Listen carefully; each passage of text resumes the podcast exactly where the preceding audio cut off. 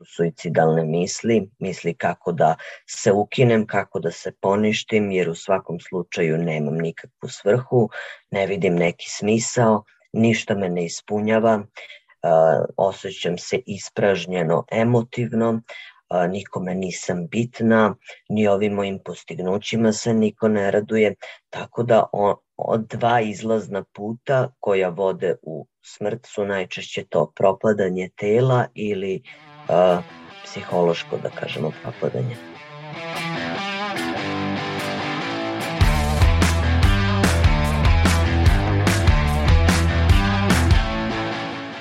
60. godina prošlog veka pojavila se takozvana Twiggy moda. Leslie Lawson, manekenka koju svi znamo kao Twiggy, promenila je standarde ženske lepote. Njenom pojavom obline se sele u istoriju, a na snagu stupa trend mršavosti. Pojedini naučnici iz oblasti psihologije tvrde da je baš zbog ovog fenomena nastupila prva epidemija anoreksije nervoze, prvo u zemljama zapadne Evrope, a potom i u Americi. Slušate podcast na zdravlje. Moje ime je Nikolina Ilić i uz mene ćete u narednih nekoliko meseci učiti o zdravlju. U ovom izdanju razgovarat ću sa kliničkom psihološkinjom Leonorom Pavlicom i savjetovališta Psiholjub. Ova epizoda zbog kompleksnosti teme kojom se bavimo neće biti praćena iskustvom osobe koja je imala anoreksiju, ali će nam psihološkinja Pavlica objasniti zašto anoreksija nastaje, kako se leči, kao i to da li postoje načini na koji mi možemo da pomognemo obolelima. Standardi lepote se iz sezone u sezonu menjaju kao što su jednu sezonu moderne iscepane farmerice, a sledeće više nisu, tako jedno leto moderno vitko telo u kupaćem, a već sledeće telo sa pozamašnim oblinama. Ali čekajte, da li je ovo stvarno dobro poređenje? Da li zaista telo treba da poredimo sa potrošnim krpicama i da li na njega treba da gledamo kroz prizmu lepog i ružnog ili prihvatljivog i neprihvatljivog? Svako telo je lepo, telo sa strijama bez njih, ono sa celulitom i bez njega. Telo osobe čije su kosti malo izraženije i telo osobe čiji stomak nije savršeno ravan. Kao što smo već nekoliko puta rekli, iskrivljena slika lepote i ideala vrlo često može da nas odvede na krivi put. Na put poremećaja ishrane. Najdrastičniji i možda najopasniji od svih oblika poremećaja ishrane je anoreksija – Neki od prvih pojavnih oblika ove bolesti jesu suvoća kože, odnosno njeno perutanje, ispucala kosa, a zatim i gubici kose. Sve to nastaje usled dehidriranosti organizma i nedostatka masti koja je telu potrebna za podmazivanje zglobova. Iz toga proizilaze i razni drugi problemi, poput nemogućnosti obavljanja najosnovnijih životnih aktivnosti. Psihološkinja Leonora Pavlica objašnjava da je anoreksija u bukvalnom prevodu sa grčkog smanjenja ili gubitak apetita, ali da je to zapravo mnogo dublji problem. Moramo malo da se zadržimo na tome zato što se ovde ne radi o fiziološkom gubitku apetita, znači osoba zapravo ima apetit, ali kontroliše svoj unos hrane, odnosno prilično je restriktivna, odbija da jede određene visokokalorične namirnice, umanjuje svoje obroke, preskače ih, na kraju se svodi samo na unos recimo nekih čak i visokokaloričnih namirnica koje mogu a, da održe fokus i pažnju, jer ova, ovi ljudi najčešće imaju veoma dobra postignuća recimo u školi, pa da bi učili pojedu a, bombone ili čokolade, ali onda a, isključe sve ostalo da ne bi prešli taj određeni unos kalorija koji je potreban da održavaju tu nisku telesnu težinu. To nije znak da osoba ne voli da jede ili da ne voli hranu, već da joj treba kontrola nad svojim telom. Takođe, dešava se da kada unese hranu u svoj organizam, traži svaki mogući način da je nakon toga i izbaci i e, imamo mogućnost da uz to e, koristi i laksative da bi se što više ispraznila ili da izbacuje hranu putem povraćanja, ali to su već da kažemo neki podtipovi, neke kombinacije anoreksije i bulimije. Nisam dovoljno dobra. Mama kaže da je nedopustivo da dobijem četvorku iz tako lakog predmeta. Deka kaže da treba da budem urednije jer sam devojčica. Tata misli da treba da se ponašam u skladu sa svojim godinama. Bah kaže da je ona u mojim godinama već imala dečka, brat mi kaže da sam ružna. Anja mi danas u školi rekla da bi trebala da počnem da nosim brus. Marko mi rekao da sam debela. Nisam dobra, nisam lepa, nisam vredna, shodna, čak ni dovoljno pametna. Nisam kao ostali. Zašto jednostavno nisam mogla da se rodim dovoljno lepo, dobra i pametna? Zašto sam morala da se rodim kao ja? Anoreksija se može javiti u svim dobima života, ali najčešće doba njene pojave je pubertet i rana mladost, pre svega kod devojčica.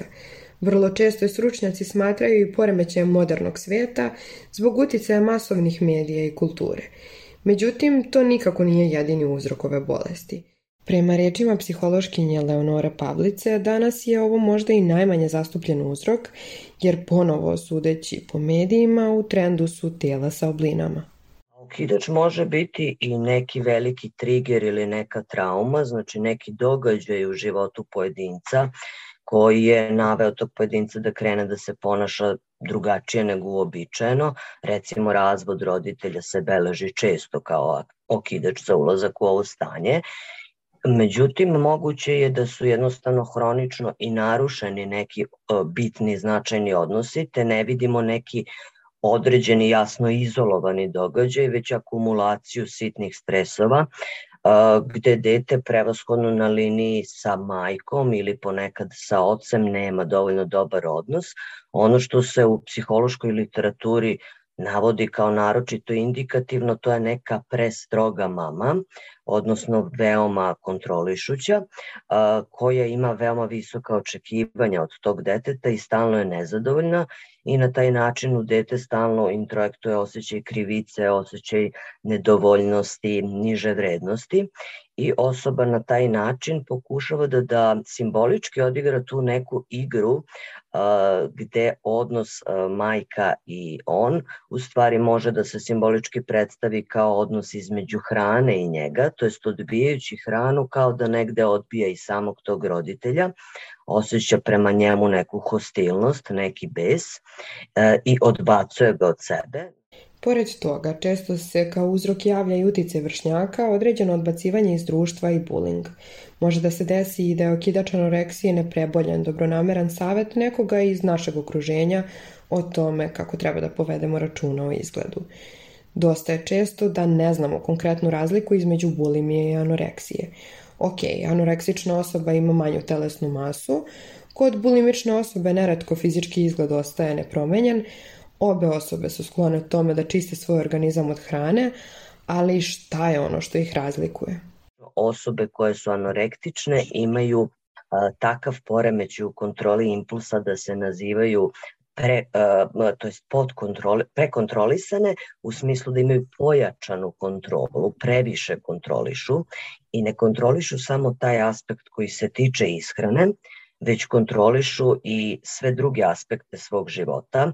Znači one su sklone nekoj pedanteriji, sklone perfekcionizmu generalno, to se ispoljava kao što sam rekla i u tom školskom postignuću, pa su to uglavnom petičari, imaju veoma dobre ocene, isto tako održavaju i svoju sobu uredno i maltene kao da se pravi neka psihološka struktura OCD-a, odnosno tog obsesivno-kompulsivnog poremećaja, gde se sve sređuje, sve ima svoje mesto, ništa ne sme da se pomeri, a sa druge strane bulimičari bi spadali u onu suprotnu kategoriju u podkontrolisane, znači da imaju smanjenu kontrolu, znači oni ne mogu da se odupru svom impulsu da pojedu više nego što bi trebalo i to nezadovoljstvo izgledom anuliraju na taj način što pojedenu hranu, odnosno njen višak izbacuju i oni znači stalno imaju to nekontrolisano jedenje Pored izbjegavanja hrane, izgladnjivanja, povraćanja i korišćenja laksativa,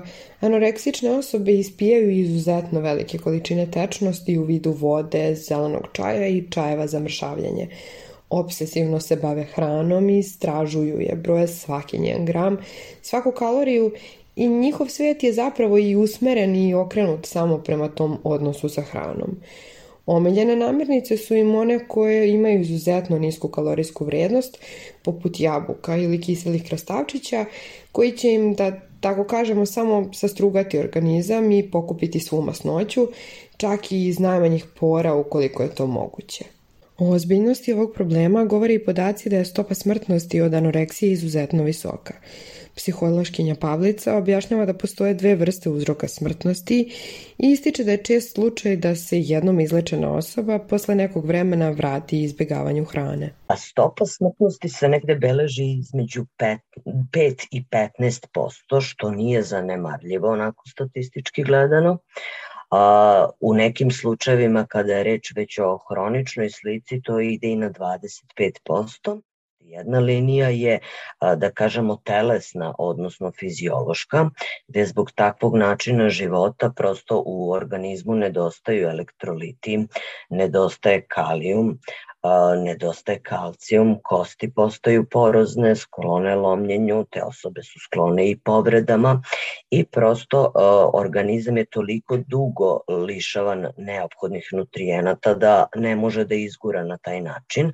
Ono što je svakako posledica i na nekom mentalnom planu, to je da ako ne damo, a najčešće ne damo neuronima određenu količinu šećera i oni polako odumiru, pa takva osoba koja je najvažnije jel, da postigne neke školske rezultate, ulazi u taj neki limbo iz kog ne može da se izvuče, odnosno želela bi da održi takve rezultate, a slabi pamćenje vremenom, fokus takođe se rasparčava, i ona više nije u stanju da održi taj nivo kao i ranije. Nažalost, to je ono što je i nepovratno. Znači, kada se osoba izleči ukoliko dođe do, do, nekog, da kažemo, obuhvatnog izlečenja, njeni uništeni neuroni su nepovratno uništeni. Druga linija smrtnosti tiče se suicidalnih misli i psihološkog uzroka gde se osoba bori sa samom sobom ovakva osoba vodeći neku vrstu unutrašnjeg rata sa nekom svojom bliskom figurom, uporedo sa tim krnji svoje samopouzdanje tokom vremena, ima izrazito negativnu sliku o sebi, konstantno je nesigurna koliko vredi i gladna u stvari neke ljubavi i iz tog razloga ono što sledi jeste ulazak u depresivno raspoloženje. Ono što to takođe povećava verovatnoću za depresiju, to je da osoba od svih, apsolutno svih, e, skriva svoj stil ishrane zato što negde paralelno zna da on nije e, regularan, da iskače iz nekih e, društvenih okvira i samim tim izbegava određene situacije gde bi neko mogao da je vidi kako se ophodi prema hrani, odnosno koliko je zagleda, koliko je sporo jede, koliko je žvaće, koliko toga je ostalo na tanjiru, šta se izbegava i to je onemogućava neke dublje socijalne kontakte. Izbegavajući socijalne kontakte, izbegava i potencijalnu situaciju da to što radi bude primećeno. Stvar je jednostavna. Ako se ne pojavljuje u društvu, niko neće ni primetiti njen odnos prema hrani. Ali ako to traje mesecima pa godinama, anoreksična osoba se povlači u sebe i samo stvara još veću mogućnost upadanja u teško depresivno stanje, čiji proizvod mogu da budu i suicidalne misli. Lečenje anoreksije je izuzetno dugi i naporan proces koji pre svega iziskuje jaku volju i pristanak pacijenta – Ukoliko je osoba naterana da ide na lečenje, rezultat će u velikom broju slučajeva izostati. Međutim, ukoliko shvati da ima problem i ukoliko se svojevoljno odluči da uđe u proces lečenja, do izlečenja će vrlo verovatno doći. Put od lečenja do izlečenja prati niz stručnjaka poput psihologa, psihijatra i nutricioniste. Takođe, grupna psihoterapija igra vrlo bitnu ulogu u lečenju anoreksije, jer je pojedincu bitno da shvati da nije sam izolovan, nego da postoje osobe koje biju iste bitke. Naravno, neizostavna podrška okruženja, pre svega porodice, je jedna lestvica više kao zdravljenju. Anoreksija je poremećaj koji se najčešće leči na klinikama. Hospitalizacija nastupa kada je gubitak telesne težine 15 do 25% u odnosu na onu koja bi bila odgovarajuća na osnovu građa tela, body mass indeksa i sličnih parametara. Međutim, psihološkinja Leonora Pavlica smatra da je gubitak od 25% nešto što zahteva urgentnu hospitalizaciju, čak i uz odsustvo saglasnosti te osobe, jer se u tom stadijumu život već dovodi u pitanje. U tom stadijumu osoba se već stavlja na e, infuziju, e, dodaju se veštački elektroliti, Znači, to je već onako stanje panike, vrlo alarmantno. Znači, mnogo je bolje otići već kada je ta, taj gubitak onako očigledan, ali osoba i dalje još uvek funkcionalna, kada nije dehidrirala, kada nemamo sve one pojavne simptome kao što je suvoća kože, ljuspanje kože, ispucala kosa, gubici kose, zato što je to jedan organizam koji je hronično depriviran vlagom, znači izgubljena, isteđena vlažnost, minimalne su rezerve masti koje su nam neophodne da podmažu zglobove i tako dalje.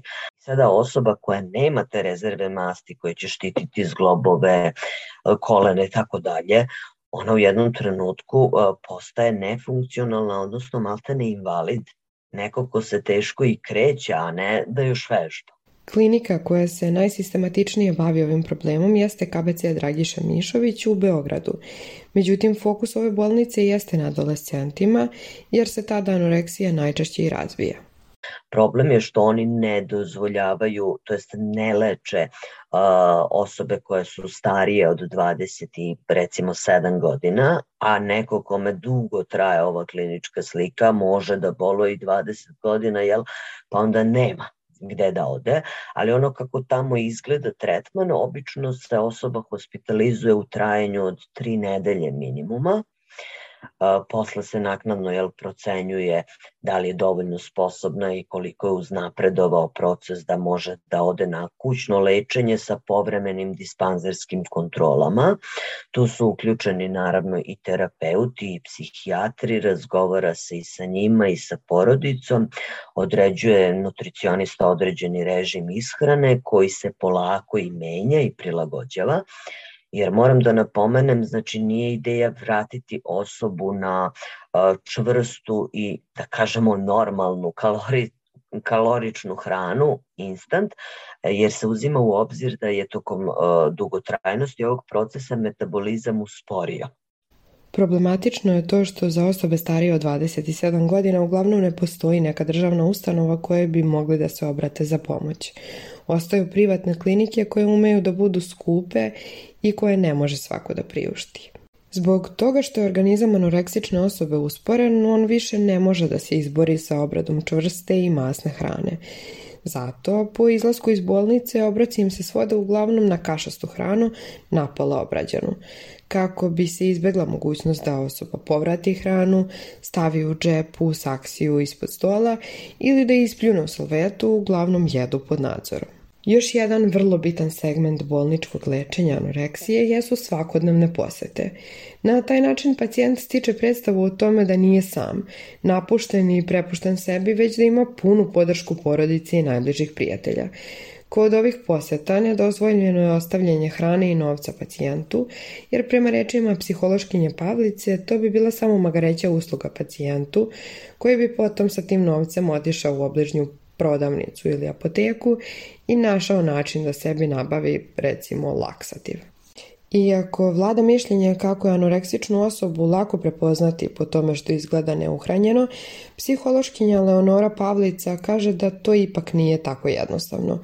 Ukoliko neko iz vaše okoline ima ovaj problem, verovatno je da ga nećete odmah uočiti na osnovu fizičkog stanja te osobe, pa čak ni leti, jer oni svoje tela i leti kriju farmerkama i duksevima koji prekrivaju ruke i koji su uglavnom široki pa stvaraju iluziju. Dok ni snimimo koliko je ozbiljno to propadanje, mi ćemo preuloviti ove psihološke simptome koji se ogledaju, da kažemo, u generalnom smanjenju vitalnih dinamizama. To znači da ta osoba se sve više povlači u sebe, gubi interesovanja svoja standardna, ne zanimaju je više iste aktivnosti, ne zanimaju je raniji hobi, a, ubitak je naravno i libida, znači ta osoba najčešće nije zainteresovana za partnerski život, ne upražnjava seksualne aktivnosti, dosta se povlači u sebe, izoluje, deluje e, konfuzno nekad, ponekad možemo da vidimo i naglašenu tenziju, odnosno velike promene u raspoloženju, jer se ponaša u neku ruku slično zavisniku, koji non stop razmišlja o, o, tom, o toj svojoj hrani, njenom uh, minimalnom unosu i, i tome kako da i to što je unela potroši. Znači vidimo očigledno odstupanja u tim godinama ta osoba bi trebala da bude puna živosti, puna energije, adolescencija je doba kad nas sve interesuje, kad smo radoznali, kad se najviše družimo, a mi ovde vidimo upravo suprotno. Kod lečenja ovako teškog stanja, kao što smo već rekli, vrlo je bitno da je osoba svesna svog problema i saglasna sa time da treba da se leči. Ukoliko to ne želi, ukoliko odlazi na lečenje samo zbog toga što je naterana, što se to od nje traži, rezultata neće biti. U inat roditeljima će manipulisati ljudima koji pokušavaju da joj pomognu. Idealan primer za ovu situaciju bio bi film To the Bone, koji govori o devojci nekoliko puta teranoj da ide na klinike i ustanove za lečenje anoreksije. Tamo možemo da vidimo i tela bolesnih osoba, prekrivena ranama, od kojih se, barem meni, stvaralo na čudna nelagoda u stomaku. Gledajući ovaj film iz ugla poremećaja ishrane, zaista možemo da vidimo realne slike sa kojima odbijamo da se suočimo, a koje predstavljaju stvarnu sliku života ljudi koji prolaze kroz sve ovo. A da li smo mi kao društvo zaista svesni ozbiljnosti ove situacije? I šta radimo da pomognemo osobama koje imaju ovakav problem? Osim toga što ih vrlo često osuđujemo komentarima poput time što neće da jede pokušava da bude primećena ili gleda je na šta samo liči, kako je to sebi mogla da dopusti? Ono što mi je bilo interesantno, što sam juče e, naletela na, čini mi se, Facebooku, na jednu sliku e, koja se dešava u Indiji. Nju zovemo zemljom trećeg sveta i mi je odavde tretiramo kao neko dno dna u odnosu na nas E, evropljane, takozvane. Na toj slici u jednom restoranu postoje više ulaza u restoran koji su određene širine, odnosno određenih dimenzija i na svakom tom prolazu piše koliko procenata će osoba dobiti sniženje na kupljeni obrok u zavisnosti od toga koje težine pa će uh, onaj koji prolazi kroz najveći otvor, da, dakle onaj ko je gojazan, platiti 100% svog obroka, odnosno neće dobiti nikakvo sniženje. Onaj ko je malo tanji dobit će 10% sniženja, ko je negde ne znam kako treba, dobit će 50% i sad tako idu ti prolazi, ima ih je recimo jedno šest, taj poslednji to je za izgladnele kojih u Indiji ima, koji dobija svoj obrok potpuno besplatno. Znači, oni već imaju u svojoj kulturi ugrađeno to pomoći ljudima koji su na ivici egzistencije, koji nemaju, da ne odu u kahesiju, da ne odu iz mršavelosti i da ne umru zbog toga i njima se to nesebično poklanja. S druge strane, obraća se pažnja i na ovaj drugi ekstrem, a to je ta gojaznost gde nećemo da ih stimulišemo da kod nas u našem restoranu potroše što više pare jer mogu da pojedu za troje, nego ćemo njima dati najveću cenu, upravo da ih mi malo bar ograničimo i zakočimo Prema rečima psihološkinje Pavlice, našem društvu fale ovakve akcije i ovakva svest o težini problema. Fali nam to da društvo ustane i na neki način pomogne i stimuliše osobe koje pate od ovog ili sličnih poremećaja, jer nismo svesni količine tereta na njihovim plećima. Često nismo svesni ni toga da oni vode najveću bitku, bitku za njihov život – Nedostaje nam malo više empatije i poštovanja prema osobama koje imaju različite probleme. Prema njenom mišljenju, cilj je razumevanje zašto je neko takav kakav jeste, a ne osuđivanje, jer time samo izolujemo pojedince, držimo ih u vakumu u kom on nema mogućnost da popravi svoje stanje. Anoreksija je psihički poremećaj koji može da ima smrtni ishod. Nije samo odbijanje pojedinca da jede kako bi izgledao bolje. Mnogo je dublje od toga. Ono što je najbitnije da shvatimo jeste da anoreksične osobe nisu krive za ono kroz šta prolaze, da su najčešće svesne šta im se dešava i da im nisu potrebni naši komentari, već naša podrška. Prolaze kroz velike probleme koji se odražavaju na njihovo psihičko i fizičko zdravlje. Takođe je bitno da budemo svesni šta je anoreksija kako da je prepoznamo i kako da pomognemo anoreksičnim osobama. Bitno je i da im pružimo podršku, pa makar bi to bila i moralna, jer je njima sigurno svaka, nama na izgled beznačajna podrška, veoma značajna u njihovoj borbi, u životnoj borbi. Ja bih volela, eto, za kraj da možda poručim da nisu sami, da ima puno takvih slučajeva, da to nije ništa čega bi trebalo da se stide, da postoje centri koji se time bave, da treba da drugi ljudi oko njih naravno probaju da pruže što je veću moguću podršku i da se negde e, ne povode za nekim instant rešenjima što ove generacije vole, Znači, nema rešenja koji će tvoj problem koji je trajao godinama preko noći sanirati. Znači, moramo da budemo strpljivi i da krenemo sistematično da rešavamo problem lagano. Slušali ste podcast na zdravlje. Moje ime je Nikolina Ilić, a sa mnom je u ovom izdanju o anoreksiji razgovarala klinička psihološkinja Leonora Pavlica, osnivačica savjetovališta Psiholjubi. Psihološkinja Pavlica objasnila je da neki prvi znaci koji nas mogu navesti da posumnjamo da neko ima anoreksiju jesu gubljenje kose, ljušćenje kože, čudno ponašanje, izbjegavanje socijalnog kontakta i sl. Naravno, nagli gubitak kilograma, ali njega anoreksične osobe često prikrivaju odećom. Osoba koja ima anoreksiju postepeno gubi mogućnost obavljanja osnovnih fizičkih aktivnosti. Sve ovo su prvi simptomi nakon kojih treba reagovati i obratiti se stručnjacima dok još nije kasno, jer nekada kasnije i ne postoji. Ono najbitnije što mi možemo da uradimo jeste širenje svesti o tome da ništa ne činimo ako ih pitamo zašto su smršali ili ako im dajemo savete kako da se ugoje. Nekada je jednostavno bolje samo biti tu za nekoga, bez davanja saveta i preporuka za stvari o kojima smo nedovoljno informisani. Podcast na zdravlje možete poslušati na sajtu Fabrike kreativnosti, Podcast RS-u, Spotify-u i na Google Podcastu. Hvala na pažnji i pozdravljam vas do sledećeg slušanja. Produkcija Fabrika kreativnosti